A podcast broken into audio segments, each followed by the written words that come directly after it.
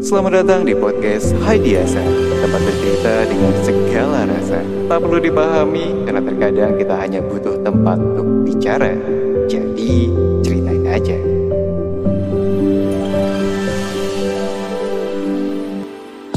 Halo, kembali lagi ke podcastnya Hadiasa. Biasanya kalau Asa cuma cerita-cerita sendirian ya. Kali ini Asa udah datangin, nggak datangin sih, cuman suaranya doang. Ada teman yang dulu juga jarang ketemu sih.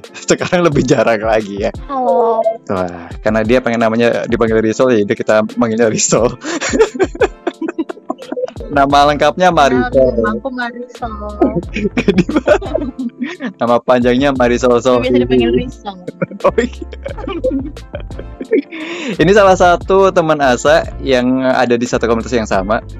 Di komunitas kita itu hampir rata-rata anak-anaknya eh, punya keinginan untuk pergi ke negara Jepang. Termasuk Asa juga sampai sekarang juga masih belum kesampaian sih. Walaupun sempat mencoba dan gagal gara-gara ditolak visanya ya. Apa kabar, Rizal? Kabar baik. Asad. Terima kasih sudah diajak ngobrol-ngobrol di podcastnya Asa hari ini. Iya, terima kasih juga sudah meluangkan waktunya karena kita beda jam ya. Jadi, eh, jadi Rizal ini sekarang ada di Jepang. Jepangnya di mana? Di Kanagawa. Di Kanagawa. Dulu tuh kalau nggak salah sempat di Mm, di Saitama ya. Terus sekarang Ya pindah. dulu ke- di Saitama terus pindah ke Kanagawa. Oke, nah Better dan better life. Tapi nggak better better amat. aku juga baru tahu kalau misalkan eh, Rizal ini kerjaannya perawat. Karena dulu kita ketemu itu kayak nggak ada nggak kelihatan perawat-perawatnya gitu. Nggak kelihatan ya muka perawatnya ya. Iya. Sangat, ganas lagi. Jadi kalau ada yang ke situ dikit background mungkin ceritain dulu. Segitunya kah? Tapi tetap baik kok karena emang suka berbagi makanan juga di komunitas ya. Kangen deh saya.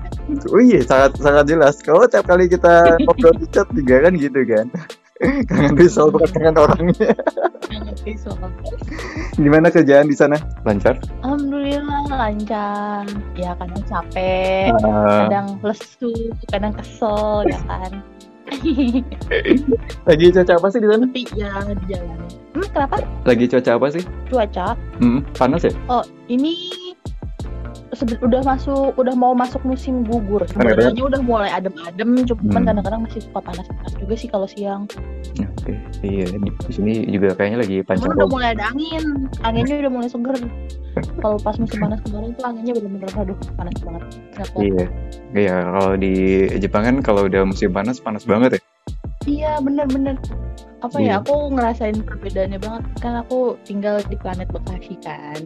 Di sana tuh meskipun panas ya kan tapi anginnya masih masih masih enak lah gitu. Tapi kalau pas di sini tuh bener-bener anginnya aja tuh panas gitu. Kadang-kadang nggak ada angin sama sekali. Keluar rumah lima menit aja tuh nggak kuat terus saya pengen balik lagi masuk aja gitu Jadi dulu tuh bukan hanya Rizal aja tapi banyak teman-teman yang di satu komunitas tuh emang punya keinginan yang sama. Terus suka ngomongin aja suka berhayal kadang. Uh, Rizal ini salah satu orang yang mewujudkan keinginan ya kan? yeah Iya. alhamdulillah terwujud Iya, bukan berkunjung loh dia.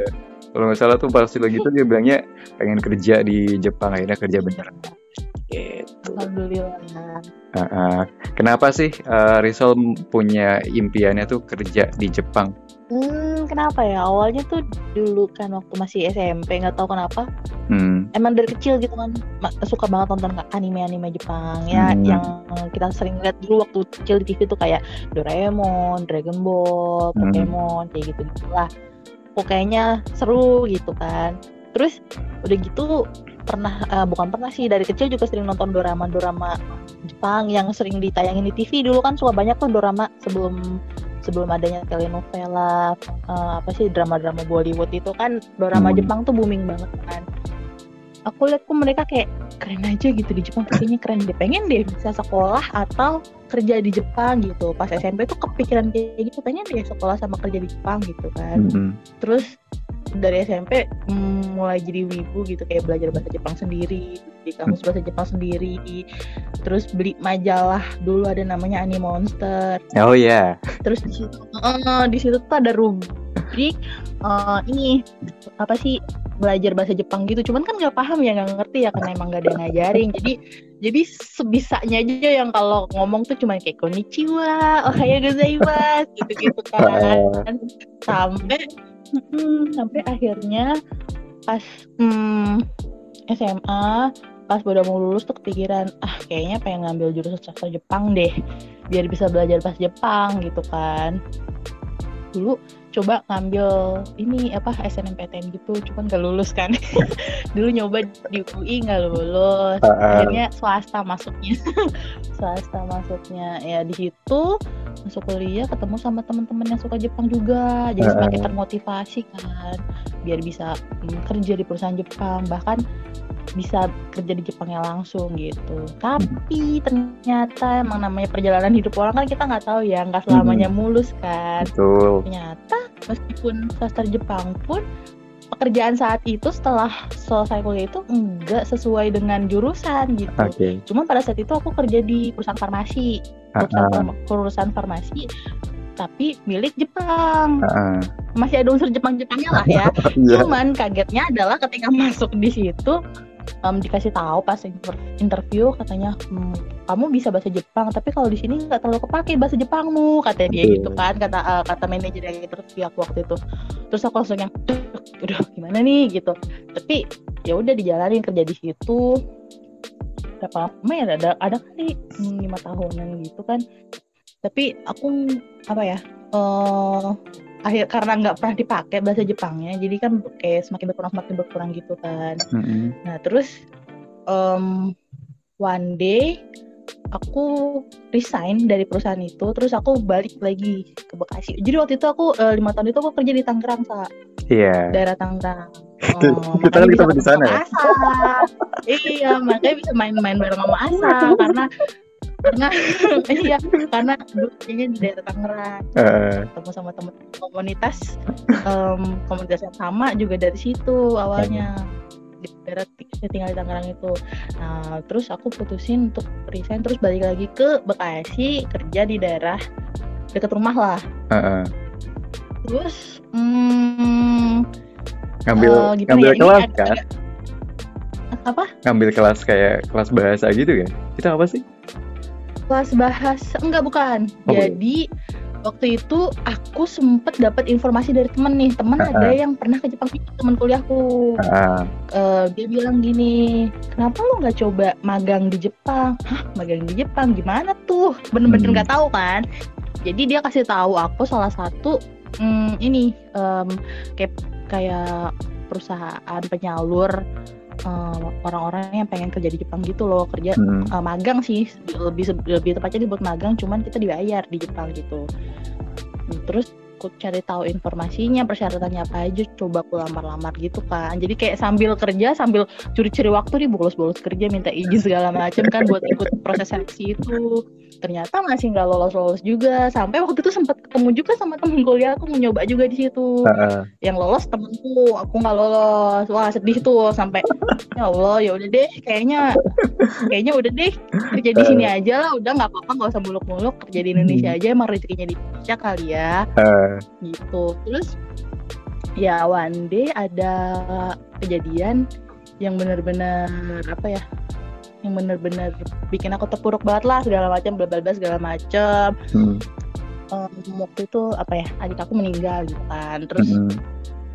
um, kayak aku juga udah hopeless banget kayak aku udah uh, gimana ya sama kerjaan juga udah udah nggak cocok gitu kan nggak serak kan sama kerjaanku yang di Bekasi itu. Hmm. terus sampai ngobrol sama orang tua aku udah udah yang ngobrol dalam banget nih sampai akhirnya ibuku tuh ngomong gini kamu mau kerja di Jepang ya udah ya udah sana kerja ya udah sana kamu cari informasinya ikutin gimana alurnya.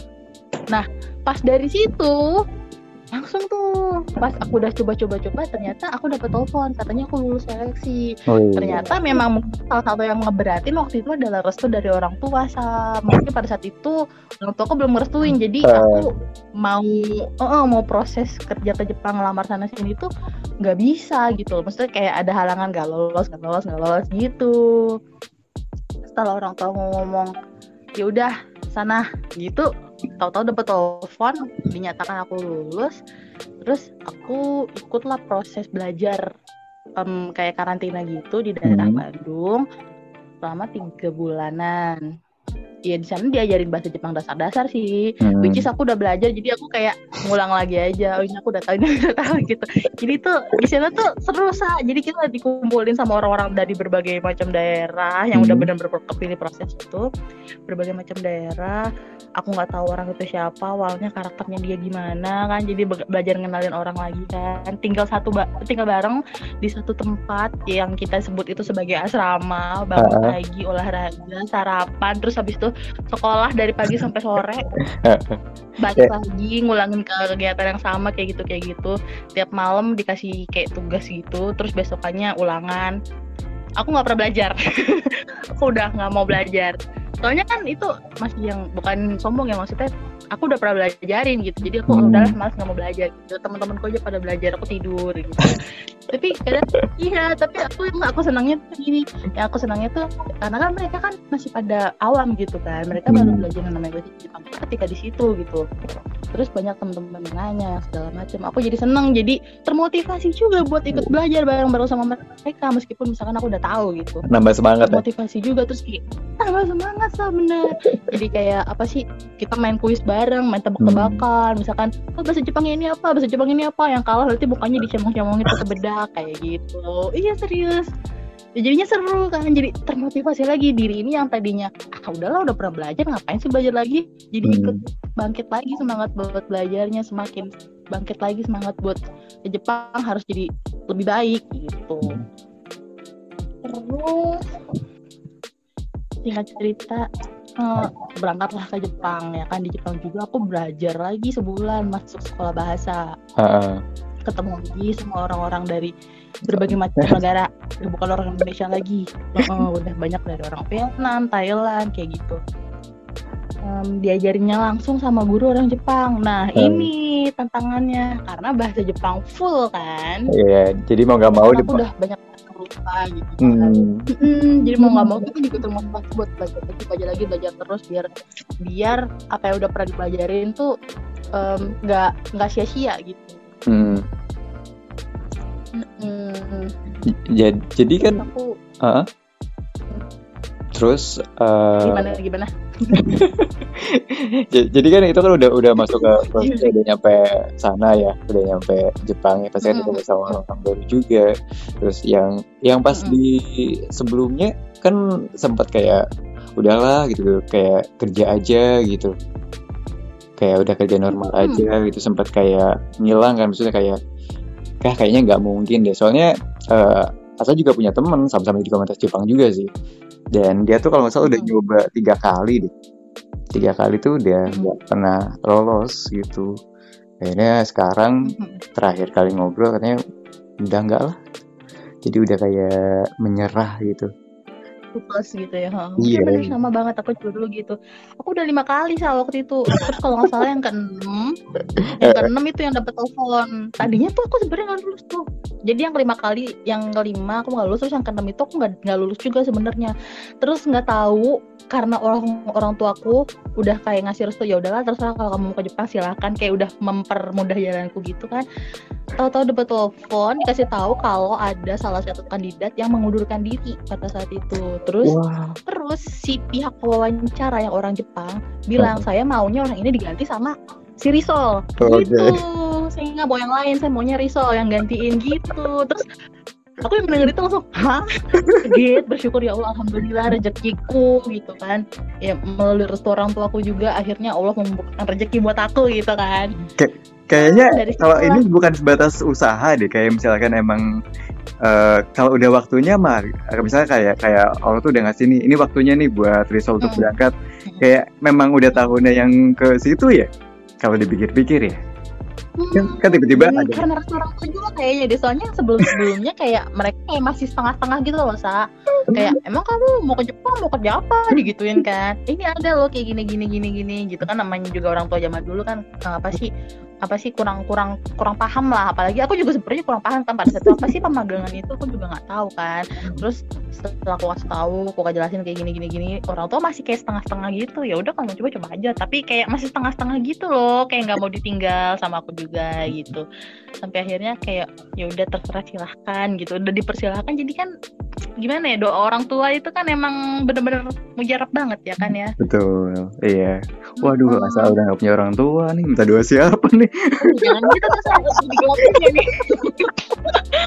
Jangan gitu ada kayak yang mau jadi orang ada ada hal yang ada ada pahala yang gak putus. Doa anak kepada orang tua meskipun udah nggak ada. Ayo main terus ah kalau aku sih tidak berpikir untuk punya kerjaan di Jepang. Jadi dulu tuh Mm. niat- niatannya cuma hanya sekedar eh, teman-teman tuh selalu ketawa kalau misalkan eh, dengar alasan asa tuh pengen ke Jepang. Itu cuma aja pengen ngasih jejak kaki aja di Jepang gitu. Cuman akhirnya kepikiran tuh gimana caranya eh, bisa ke sana. Kan caranya cuma hanya ada dua kan seperti Rizal bilang juga. Biasanya kalau nggak beasiswa ya kerja alias magang gitu aku juga pernah pernah nyoba gitu untuk eh, apa ngeplay ngeplay gitu akhirnya emang kayaknya emang tidak mendukung sekali lah saat itu gitu Mm-mm. akhirnya Baru kepikiran ya. mm, akhirnya kepikiran kayaknya kalau nggak dua-duanya nggak bisa berarti kan wisata kan Hmm. udahlah kayak terakhir ini nyoba-nyoba wisata gitu kayak kemarin nyobain terus sebelum pandemi lah eh deket-deket pandemi Hmm. kayaknya sih Eh, nyobain eh, apply juga karena masih karena eh, yang elektrik itu cuma adanya di Jakarta dan kerjaan juga nggak bisa ngasih izin lebih lama. Ya jadi Hmm. pakai yang biasa kan ini apa paspornya jadi harus ngurus eh, visa lagi kan. Nah di situ pun akhirnya ke cancel lah di sana. Wah gimana nih? Hmm. Cerita lah sama teman-teman dan akhirnya ngedengar cerita temen ya ada satu teman kita lah yang lagi nonton konser di sana. Karena kerjaan banget kan. Hmm. waduh lagi nonton konser di sana. Aku juga pengen. Padahal udah tinggal tinggal selangkah lagi tapi nggak nggak bisa kayak gagal iya kesel banget gitu. Aduh gagal banget gitu. Padahal udah persiapan persiapan lumayan lama kan gitu. Akhirnya eh, ceritalah sama teman-teman dari traveler sama backpacker gimana caranya biar mempermudah eh, visa ini untuk didapetin gitu. Terus mereka bilang ya udah jalan-jalan aja dulu ke yang dekat-dekat Asia Tenggara eh, dekat-dekat Indonesia aja. Nah, dilakukanlah saat itu. Jalan-jalan dulu untuk nambahin stempel-stempel di eh, paspor kan kayak pandemi datang keuangan pun juga menghilang makin makin deh. Iya kayak semakin Makin makin. waduh gitu. sempat sempat kepikiran kayaknya udahlah gitu. Akhirnya ketemu lagi tuh. Selalu ada aja kayak orang-orang yang ngingetin gitu. Kayak kayak yang kayak temen yang gak di komunitas pun karena emang tahu eh, eh, aku tuh punya keinginan untuk ke sana selalu bilang gimana kabar Jepang? Gimana kabar Jepang? Gitu. Terus ada juga yang manggil tuh udah pakai nama komunitas oh asa ini. Gitu. Akhirnya kayak keinget lagi keinget lagi. Termasuk salah satunya adalah punya teman-teman yang ada di Jepang juga kan ada banyak juga kan di sana nah salah satunya adalah yang sering ngobrol sama eh, Rizal ini gitu pokoknya kalau sudah cerita sama Rizal ini seru deh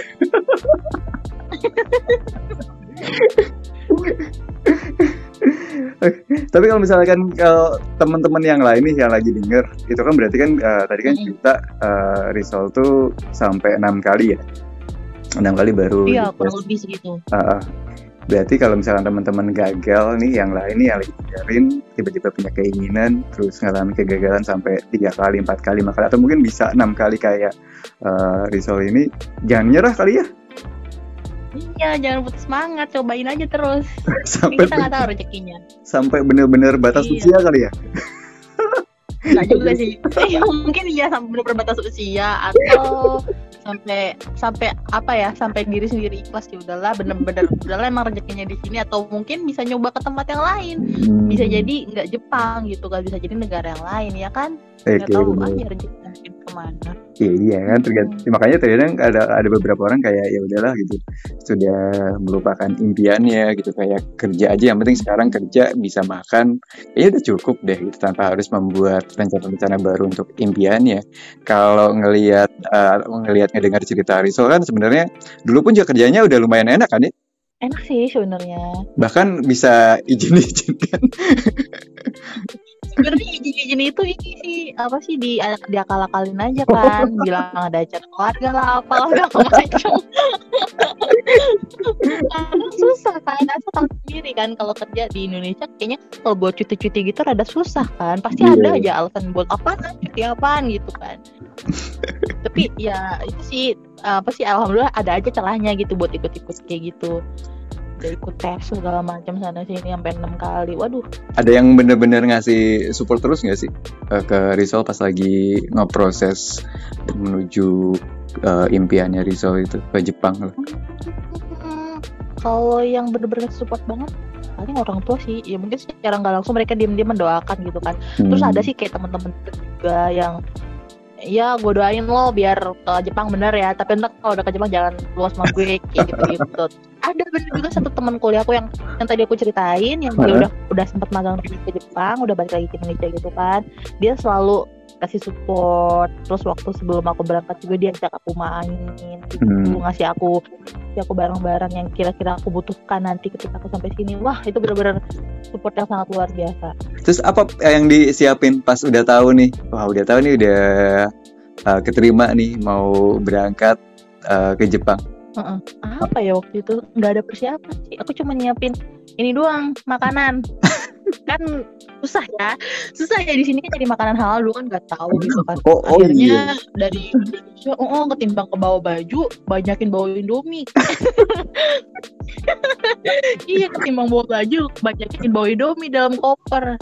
Sama bumbu-bumbu kan karena waktu itu belum tahu kan kalau mau beli barang-barang kayak gini tuh di mana sih gitu kan. Hmm. tapi kan pas ini em, cari info cari info oh ternyata banyak loh orang-orang Indonesia yang buka usaha Hmm. jualan apa sih Indonesia di sini gitu. Iya, bisa ada- online Ada toko Asia kan di sana ya. Oh, oh, tanpa harus datang ke tokonya kita bisa belanja online, pula diantar sampai depan rumah. Wah, Kan jadi mudah banget. Iya. Hmm, terus Iya. mau, makan, hmm, tadinya juga sempet, aduh, gimana nih kalau mau makan nih makanan di sini kan banyak kan 100%, eh, hampir 100% babi gitu, terus Ah, ah. kayak mengandung alkohol segala macam. Oh ternyata di sini juga banyak toko-toko apa restoran-restoran yang Indonesia punya gitu. Ya sekali lah, sesekali makan di restoran Indonesia untuk mengobati rindu. Iya, walaupun sangat mahal sekali ya di sana ya. Iya, jangan sering-sering sah. Jangan sering-sering aja. Makanya kadang ada ada orang itu yang kayak aduh menghabiskan uang banyak hanya untuk mengobati rasa kangen makan makanan Indonesia. Itu bener, bener. Apa sih akhirnya ngerasain sendiri gitu kan kalau ngeliat postingan dulu kan ngeliat orang-orang posting ngabisin makan segini buat Hmm. ngerasa nggak apa ngerasa rasa kangen sama negara tercinta. Apaan sih lebay gitu kan? Ternyata pas sudah sudah ngalamin sendiri kok ya mahal ya. Wah jangan sering-sering aja udah. Masa Iya. nasi padang seratus lima puluh ribu seporsi ya Nah, kan. itu kan makanya Pusing juga saya kan kalau tiap hari makan itu. padahal di sini mah males banget ya. di Indonesia yang yang paket hemat banget sepuluh ribuan kayaknya ada gitu kan Iya di ada. Jepang iya di Jepang seratus lima puluh ribu seporsi Terus pas di sana pas awal-awal apa yang lagi yang dirasain? Hmm. yang dirasain ya Apakah kayak wah senang sekali akhirnya habis itu pasti punya ekspektasi ekspektasi gara-gara nonton dorama kan dorama Jepang. Awalnya gitu ngerasa seneng banget. Yes akhir di Jepang nih asik bisa main ke sana sini ke sana sini. Cuman kan pada saat itu pas datang ke sini pas banget lagi pandemi tuh. Iya. Jadi nggak bisa ke mana-mana juga kan. Setahun Mm-mm. tinggal di sini tuh kayak mau ke mana-mana bener-bener dibatasin Mm-mm. dari pihak perusahaan tuh waktu itu ngebatasin juga kan nggak boleh bepergian dulu karena emang corona waktu itu lagi tinggi tingginya sekarang juga masih tinggi sih cuman kan pada saat itu kan kayak belum ada vaksin segala macam gitu kan jadi pada takut kan orang kan Mm-mm. jadi kayak setahun aduh di rumah aja nih nggak ke mana-mana nih kalau main juga yang deket-deket aja gitu kan Mm. Ngerasanya jadi apaan sih? Jadi kayak percuma banget gitu ke Jepang nggak ke mana-mana gitu. Tapi perlahan-lahan main main-main lah ke daerah-daerah Tokyo kayak gitu.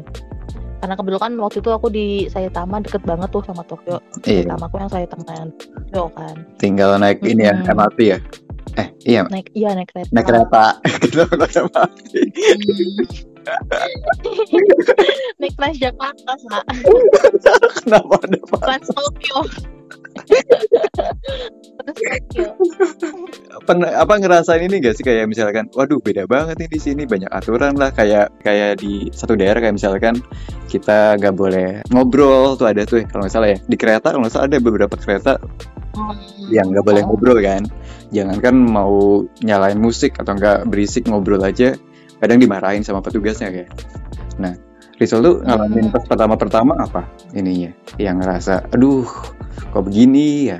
Apa ya? Nggak sebenarnya kalau yang bikin sampai kaget banget tuh nggak ada. Karena kan eh, apa ya eh, termasuk bersyukur juga sih tinggal di Bekasi gitu kan deket Jakarta. Kayak kita udah biasa naik kereta terus em, eh, eh, naik KRL gitu kan persis lah sama lah cara cara cara naiknya kayak kayak di sini gitu kan sedangkan Hmm. kayak teman-teman yang kayak dari daerah daerah, daerah lain gitu kan yang di kotanya nggak ada KRL kan mereka kayak pertama kali jadi kayak kaget ini gimana sih caranya ini gimana sih kayak gitu kan kayak mereka beli kartu buat apa sih naik kereta aja mereka nggak ngerti caranya gimana gitu kan padahal kan ada mesinnya gitu loh tinggal Ah. beli doang gitu Mm-mm. sedangkan aku karena waktu itu tinggalnya di Bekasi gitu kan jadi oh udah pernah tahu udah punya udah kayak ada pengalaman gitu jadi kayak nggak kaget-kaget banget gitu pas di Jepang Mm-mm. cuman pas kagetnya itu karena mm, pas masuk kereta katanya kalau di Jepang nggak boleh ngobrol kan segala macam tapi ternyata banyak kok anak-anak muda anak-anak sekolahan yang Ah. kalau ngobrol gitu terus ngobrol di kereta hahaha gitu kata terus ya udah paling gitu doang kayak oh ternyata nggak seperti yang kita lihat di anime atau yang kita Ah. lihat di uh, drama yang kayaknya tertib-tertib banget juga gitu bahkan aku pernah waktu itu naik kereta ada mm, bapak-bapak tidur di ini eh, tiduran di kursi prioritas gitu. Iya, beneran iya. tiduran kakinya diangkat gitu kan. Sempet foto juga sih. Sempet ku foto juga sih buat dokumentasi pribadi aja gitu. Kayak wow ternyata di Jepang juga ada ya orang-orang yang nyeleneh ya. Iya. Gitu. bahkan di transportasi publik gitu kan. Jadi sebenarnya kalau misalnya kayak kultur mah nggak nggak jauh-jauh beda ya sama yang kita Iya temuin. sih, ya. kita ekspektasinya kalau kalau dulu kan orang Jepang itu rajin orang Jepang itu uh, on time always on time terus sih. rapi. Jadi- setelah setelah aku hampir mau tiga tahun tinggal di sini ternyata orang Jepang tuh semuanya rajin ya. Nggak semuanya orang Jepang on time. Terus nggak bis- yang aku ini banget nih apa sih yang aku ekspektasi tinggi adalah orang Jepang kalau kerja kan selalu cepet gitu kan. Itu yang Hmm. selalu aku lihat kalau di drama lah nonton kayak gitu. Ternyata setelah ngalamin kerja bareng sama orang Jepang nggak semua orang Jepang kerjanya tuh satset satset ada juga yang kerjanya itu cuman ngobrol-ngobrol gosip. Oh ya orang Jepang gosip loh jangan, jangan salah mereka kalau gosip orang itu. Bener-bener apa ya kata-katanya tuh yang terdengar tuh nyelekit gitu loh. Bener-bener wah ngomongin di belakangnya parah banget gitu. Nggak beda banget sama yang di depan yang sok manis sok manis gitu. Jadi tergantung orang ya sebenarnya. Tidak tergantung negara kan? Tergantung iya orang. bukan tergantung negara. Ter- ternyata emang ya, di mana pun kita tinggal pasti akan ada aja orang-orang yang kayak gitu orang-orang yang nggak tertib orang-orang yang suka bergosip gitu kan orang-orang yang kelemar-kelemar ada aja Tapi eh, buat visual sendiri termasuk orang yang eh, gimana? Apakah mungkin udah belajar? Kan kita kan ke sana itu karena udah ada bayangan kan. Kayak misalkan kita nonton eh, drama-dramanya, eh, kesannya iya itu yang kayak on time. Kayak kebawa kebiasaan gitu. hmm, kebawa kebiasaan sih kebiasaan Apa kebawa senior yang udah mulai aneh-aneh itu? Iya. Em, lebih ke baik-baiknya sih kayaknya lah. Eh, sih dulu kan aku dulu kalau kerja tuh selalu telat datangnya masuk kerja jam 8 jam 8.15 baru sampai gitu. Heeh. absen merah terus kan jadinya kan Heeh, kalau sekarang kan kayak misalkan masuk jam 8 setengah 8 udah sampai uh, udah Hmm. rajin banget ya pokoknya Iya, soalnya Hmm. aku juga pernah nemu temen yang hampir rata-rata kalau misalkan kita yang yang ada di komunitas Jepang-Jepangan karena mungkin pandangan kita adalah ke sana kan. Jadi kita tuh kayak udah Hmm. terbiasa gitu, datang bahkan nggak hanya on time tapi lebih awal gitu. Terus kalau Mm. kerja itu sebisa mungkin eh, jam itu apa kayak diatur gitu Eh, on time bahkan lebih Mm. lebih selesai lebih awal gitu tapi pas begitu ketemu sama senior yang eh, nyantai terus kadang datang pergi kerja juga cuman kadang duduk doang gitu. Ke bawah. Pengalaman ya saya pengalaman pribadi ya itu ya. Bener Ah, sih lingkungan itu iya. mempengaruhi itu bener banget sih. Tapi ini sa satu hal yang aku salut juga sih dari orang Jepang kalau pas lagi kerja itu mereka nggak pernah yang namanya megang handphone. Oke.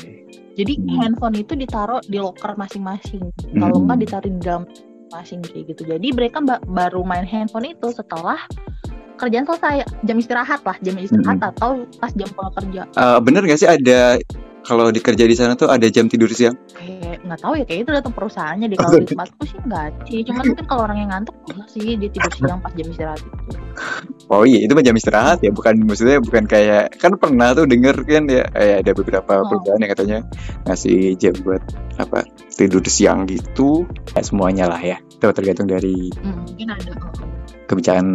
mungkin tergantung perusahaannya juga kali ya Oke. biar karyawannya nggak stres juga kan kerja soalnya orang Jepang kalau kerja udah gila-gilaan juga sih Hmm. 8 jam kerja tapi ternyata selesainya 11 jam 12 jam gitu kan capek banget. Aku sudah terbiasa.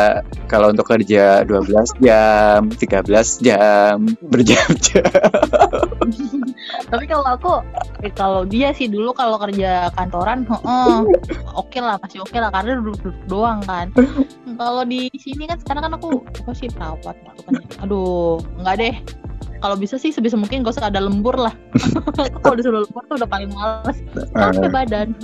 Terus Ah. orang Jepang juga sa apa sih ini loh kalau di orang Indonesia gitu kan jam-jam kantoran kan bisa sambil ngemil kan kerja. Ah, ah. ngemil apa sih GoFood apa segala macam di Jepang nggak ada kayak gitu. Nggak boleh naruh, nggak boleh naruh makan, makanan lu mau di. makan mau minum Boleh sih ka- kalau kayak naruh di loker pribadi gitu tapi itu dimakannya nanti ya jam istirahat kayak Oke. gitu tapi kalau misalkan pas lagi kerja kepengen minum ya udah minum gitu tapi di pantry minum ya. putih minum minum kopi kayak gitu oh, Tapi, oh. tapi harus ke pantry ya, bukan maksudnya kayak bukan di tempat kerjanya gitu ya. Oh, oh. bisa sih dibawa ke tempat kerja tapi kayaknya agak mengganggu karyawan lain soalnya kan Hmm. aromanya kan kecium Betul. Kalau di sini kan uh, bukan membandingkan hal yang baik dan yang buruk ya. Kalau di sini kan banyak yang kayak naruh makanan di depan uh, meja kerjanya kan, bener minuman. bener aku aku pernah melakukan Iya sama. Uh, iya atau juga di depan komputer gitu kan sambil ngemil apa gitu Ah, kan. asal lebih parah kopi lagi coba taruh di depan, gimana nggak bau coba. mengundang aromanya kan mengganggu kan takut mengganggu Iya. orang lain gitu kan Tidak setidaknya nggak sop duren lah yang ada di depan. enak tahu durian Terus selama di sana apa yang dirasain? Hal-hal yang mungkin eh, yang tadinya kayak kelihatannya indah tapi ternyata eh, tidak sesuai dengan apa yang dibayangkan gitu. ya itu sih lingkungan kerjanya sih yang yang kupikir kerja di Jepang tuh gimana gitu Lebih teratur ya. Gini orang-orang Jepang tuh kerjanya on time ternyata nggak Hmm. juga yang kerjanya satu-satu ternyata nggak juga lebih ke lingkungan kerja sih kalau aku ngelihatnya Nah, oke. sama paling apa ya kalau lingkungan sekitar iya sih aku aku aku nggak kenal tetangga aku. Aku nggak tahu namanya siapa siapa siapa siapa. Kalau ketemu paling pas hari buang sampah. Kalau di Jepang kan buang sampah nggak bisa setiap hari kan. Ada hari-hari tertentunya kan. Hmm. sampah yang bisa dibakar sampah yang nggak bisa dibakar sampah plastik kayak gitu-gitu. Nah paling pas papasan sampah tetangga depan kayak cuman ngucapin ohayo kayak gitu doang. Ah, tapi aku nggak tahu siapa dia namanya siapa gitu. Iya, kayak tinggal di Apa perumahan lah ya, tinggal di komplek, Hmm, jadi nggak kenal sama tetangga gitu. ya. Cuman hanya iya. iya gitu. dulu aku ak- waktu tinggal di Saitama kan em, di depan apartemenku itu kan ini ya em, Hmm. tukang tambal sepeda gitu kan aku pernah nambal sepedaku di situ ganti ban di situ kadang juga kalau aku punya makanan dari Indonesia gitu kadang aku kasih gitu kan ya aku nggak pernah tahu siapa nama si bapak yang punya usaha tambal sepeda ini sampai sekarang aku nggak tahu siapa namanya jadi kayak ya gitulah komunikasi antar sama orang Jepang tuh susah apa sih kurang gitu kalau kata orang-orang apa ya hubungan antar sesama manusia di Jepang tuh kurang Emang sekaku itu kah? Kayak bener-bener kayak bener cerita yang udah didengar lah ya. Kayaknya banyak orang bilang kalau misalnya orang di sana tuh eh, kaku katanya, terlalu iya sih formal ya. Kalaupun Jayus, Ter- oh, oh. tapi aneh ya. Tapi kalau misalkan kayak kita ngeliat di G-Fest tuh ya, eh, tidak ada punya rasa malu ya. gimana ya? Mungkin itu kan karena untuk untuk hiburan kan.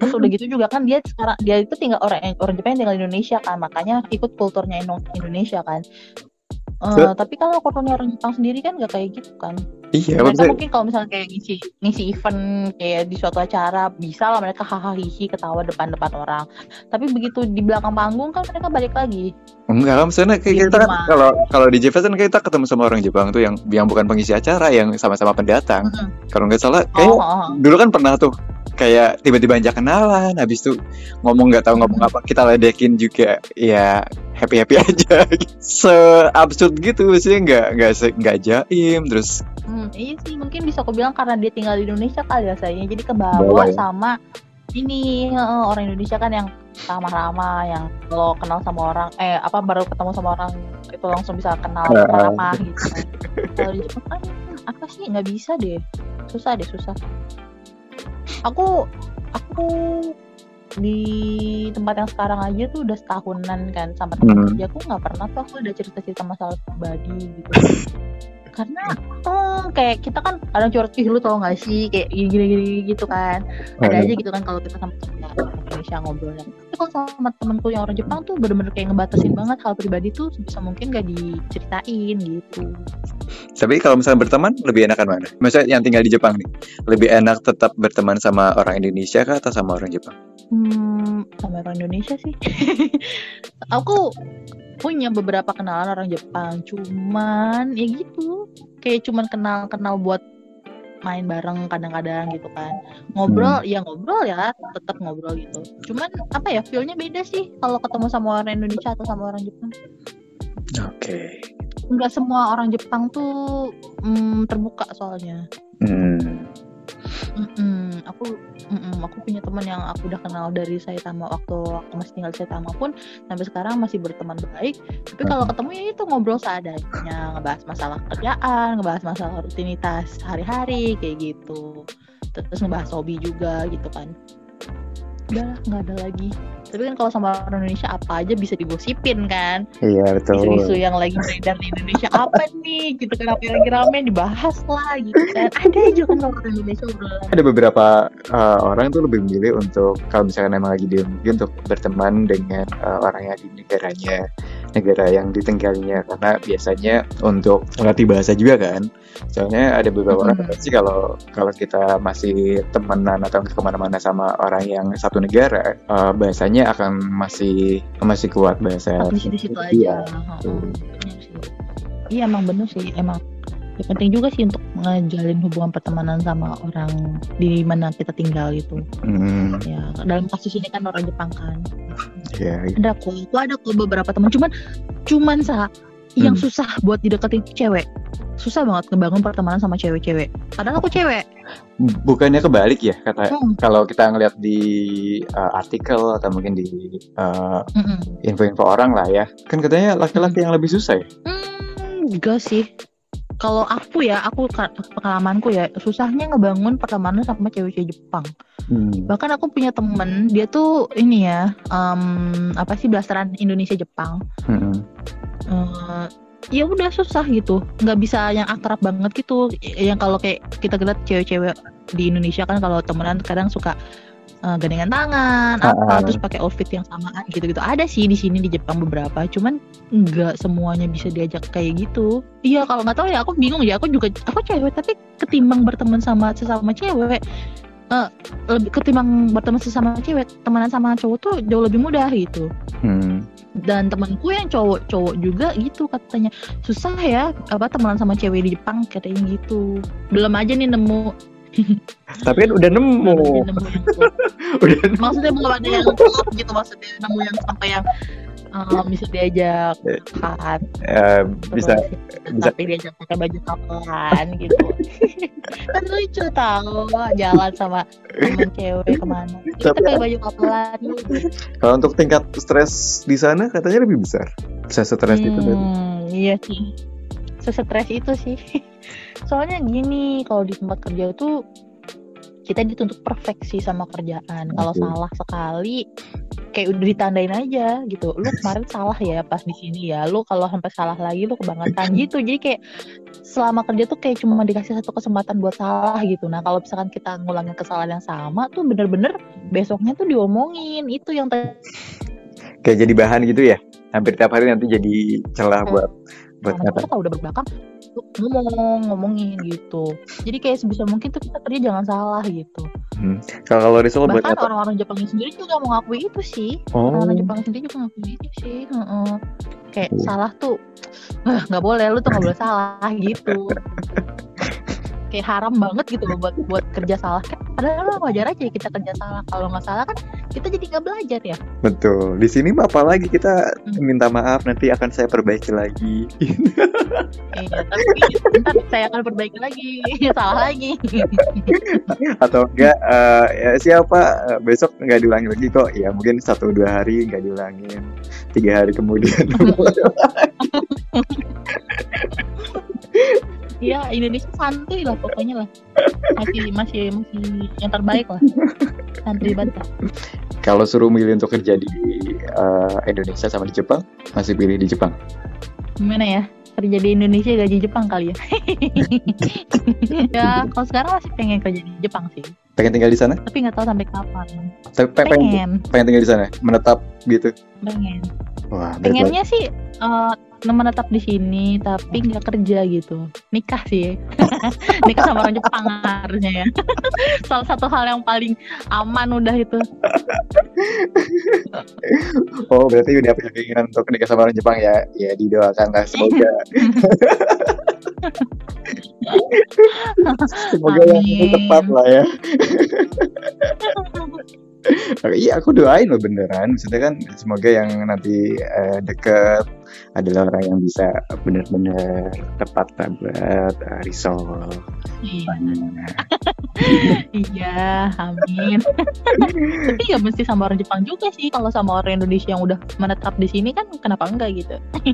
Oh iya, yang penting yang penting kan bisa menjamin betul. Nah, itu saya untuk bisa tinggal di sini kalau juga sekarang kan apa sih Ah. belum bisa terjamin gitu karena kan maksimal untuk bisa dapat permanen visa gitu kan kayak 10 tahun tinggal di sini gitu Oh ini ya apa dua dua ini ya Eh, visa spesial ya kalau nggak salah ya visa kayak dua kalau warga misalkan negaraan gitu. kalau misalkan nikah sama eh, kalau misalkan nikahnya sama orang Jepang kan eh, aku bisa dapat visa visa ini kan is- visa istri istrinya orang Hmm. Jepang gitu kan pasangan orang Jepang gitu.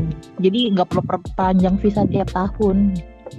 Jadi kalau udah permanen udah nggak perlu gitu. Iya. Sekarang impiannya udah kecapai. Ada impian lagi nggak buat Rizal?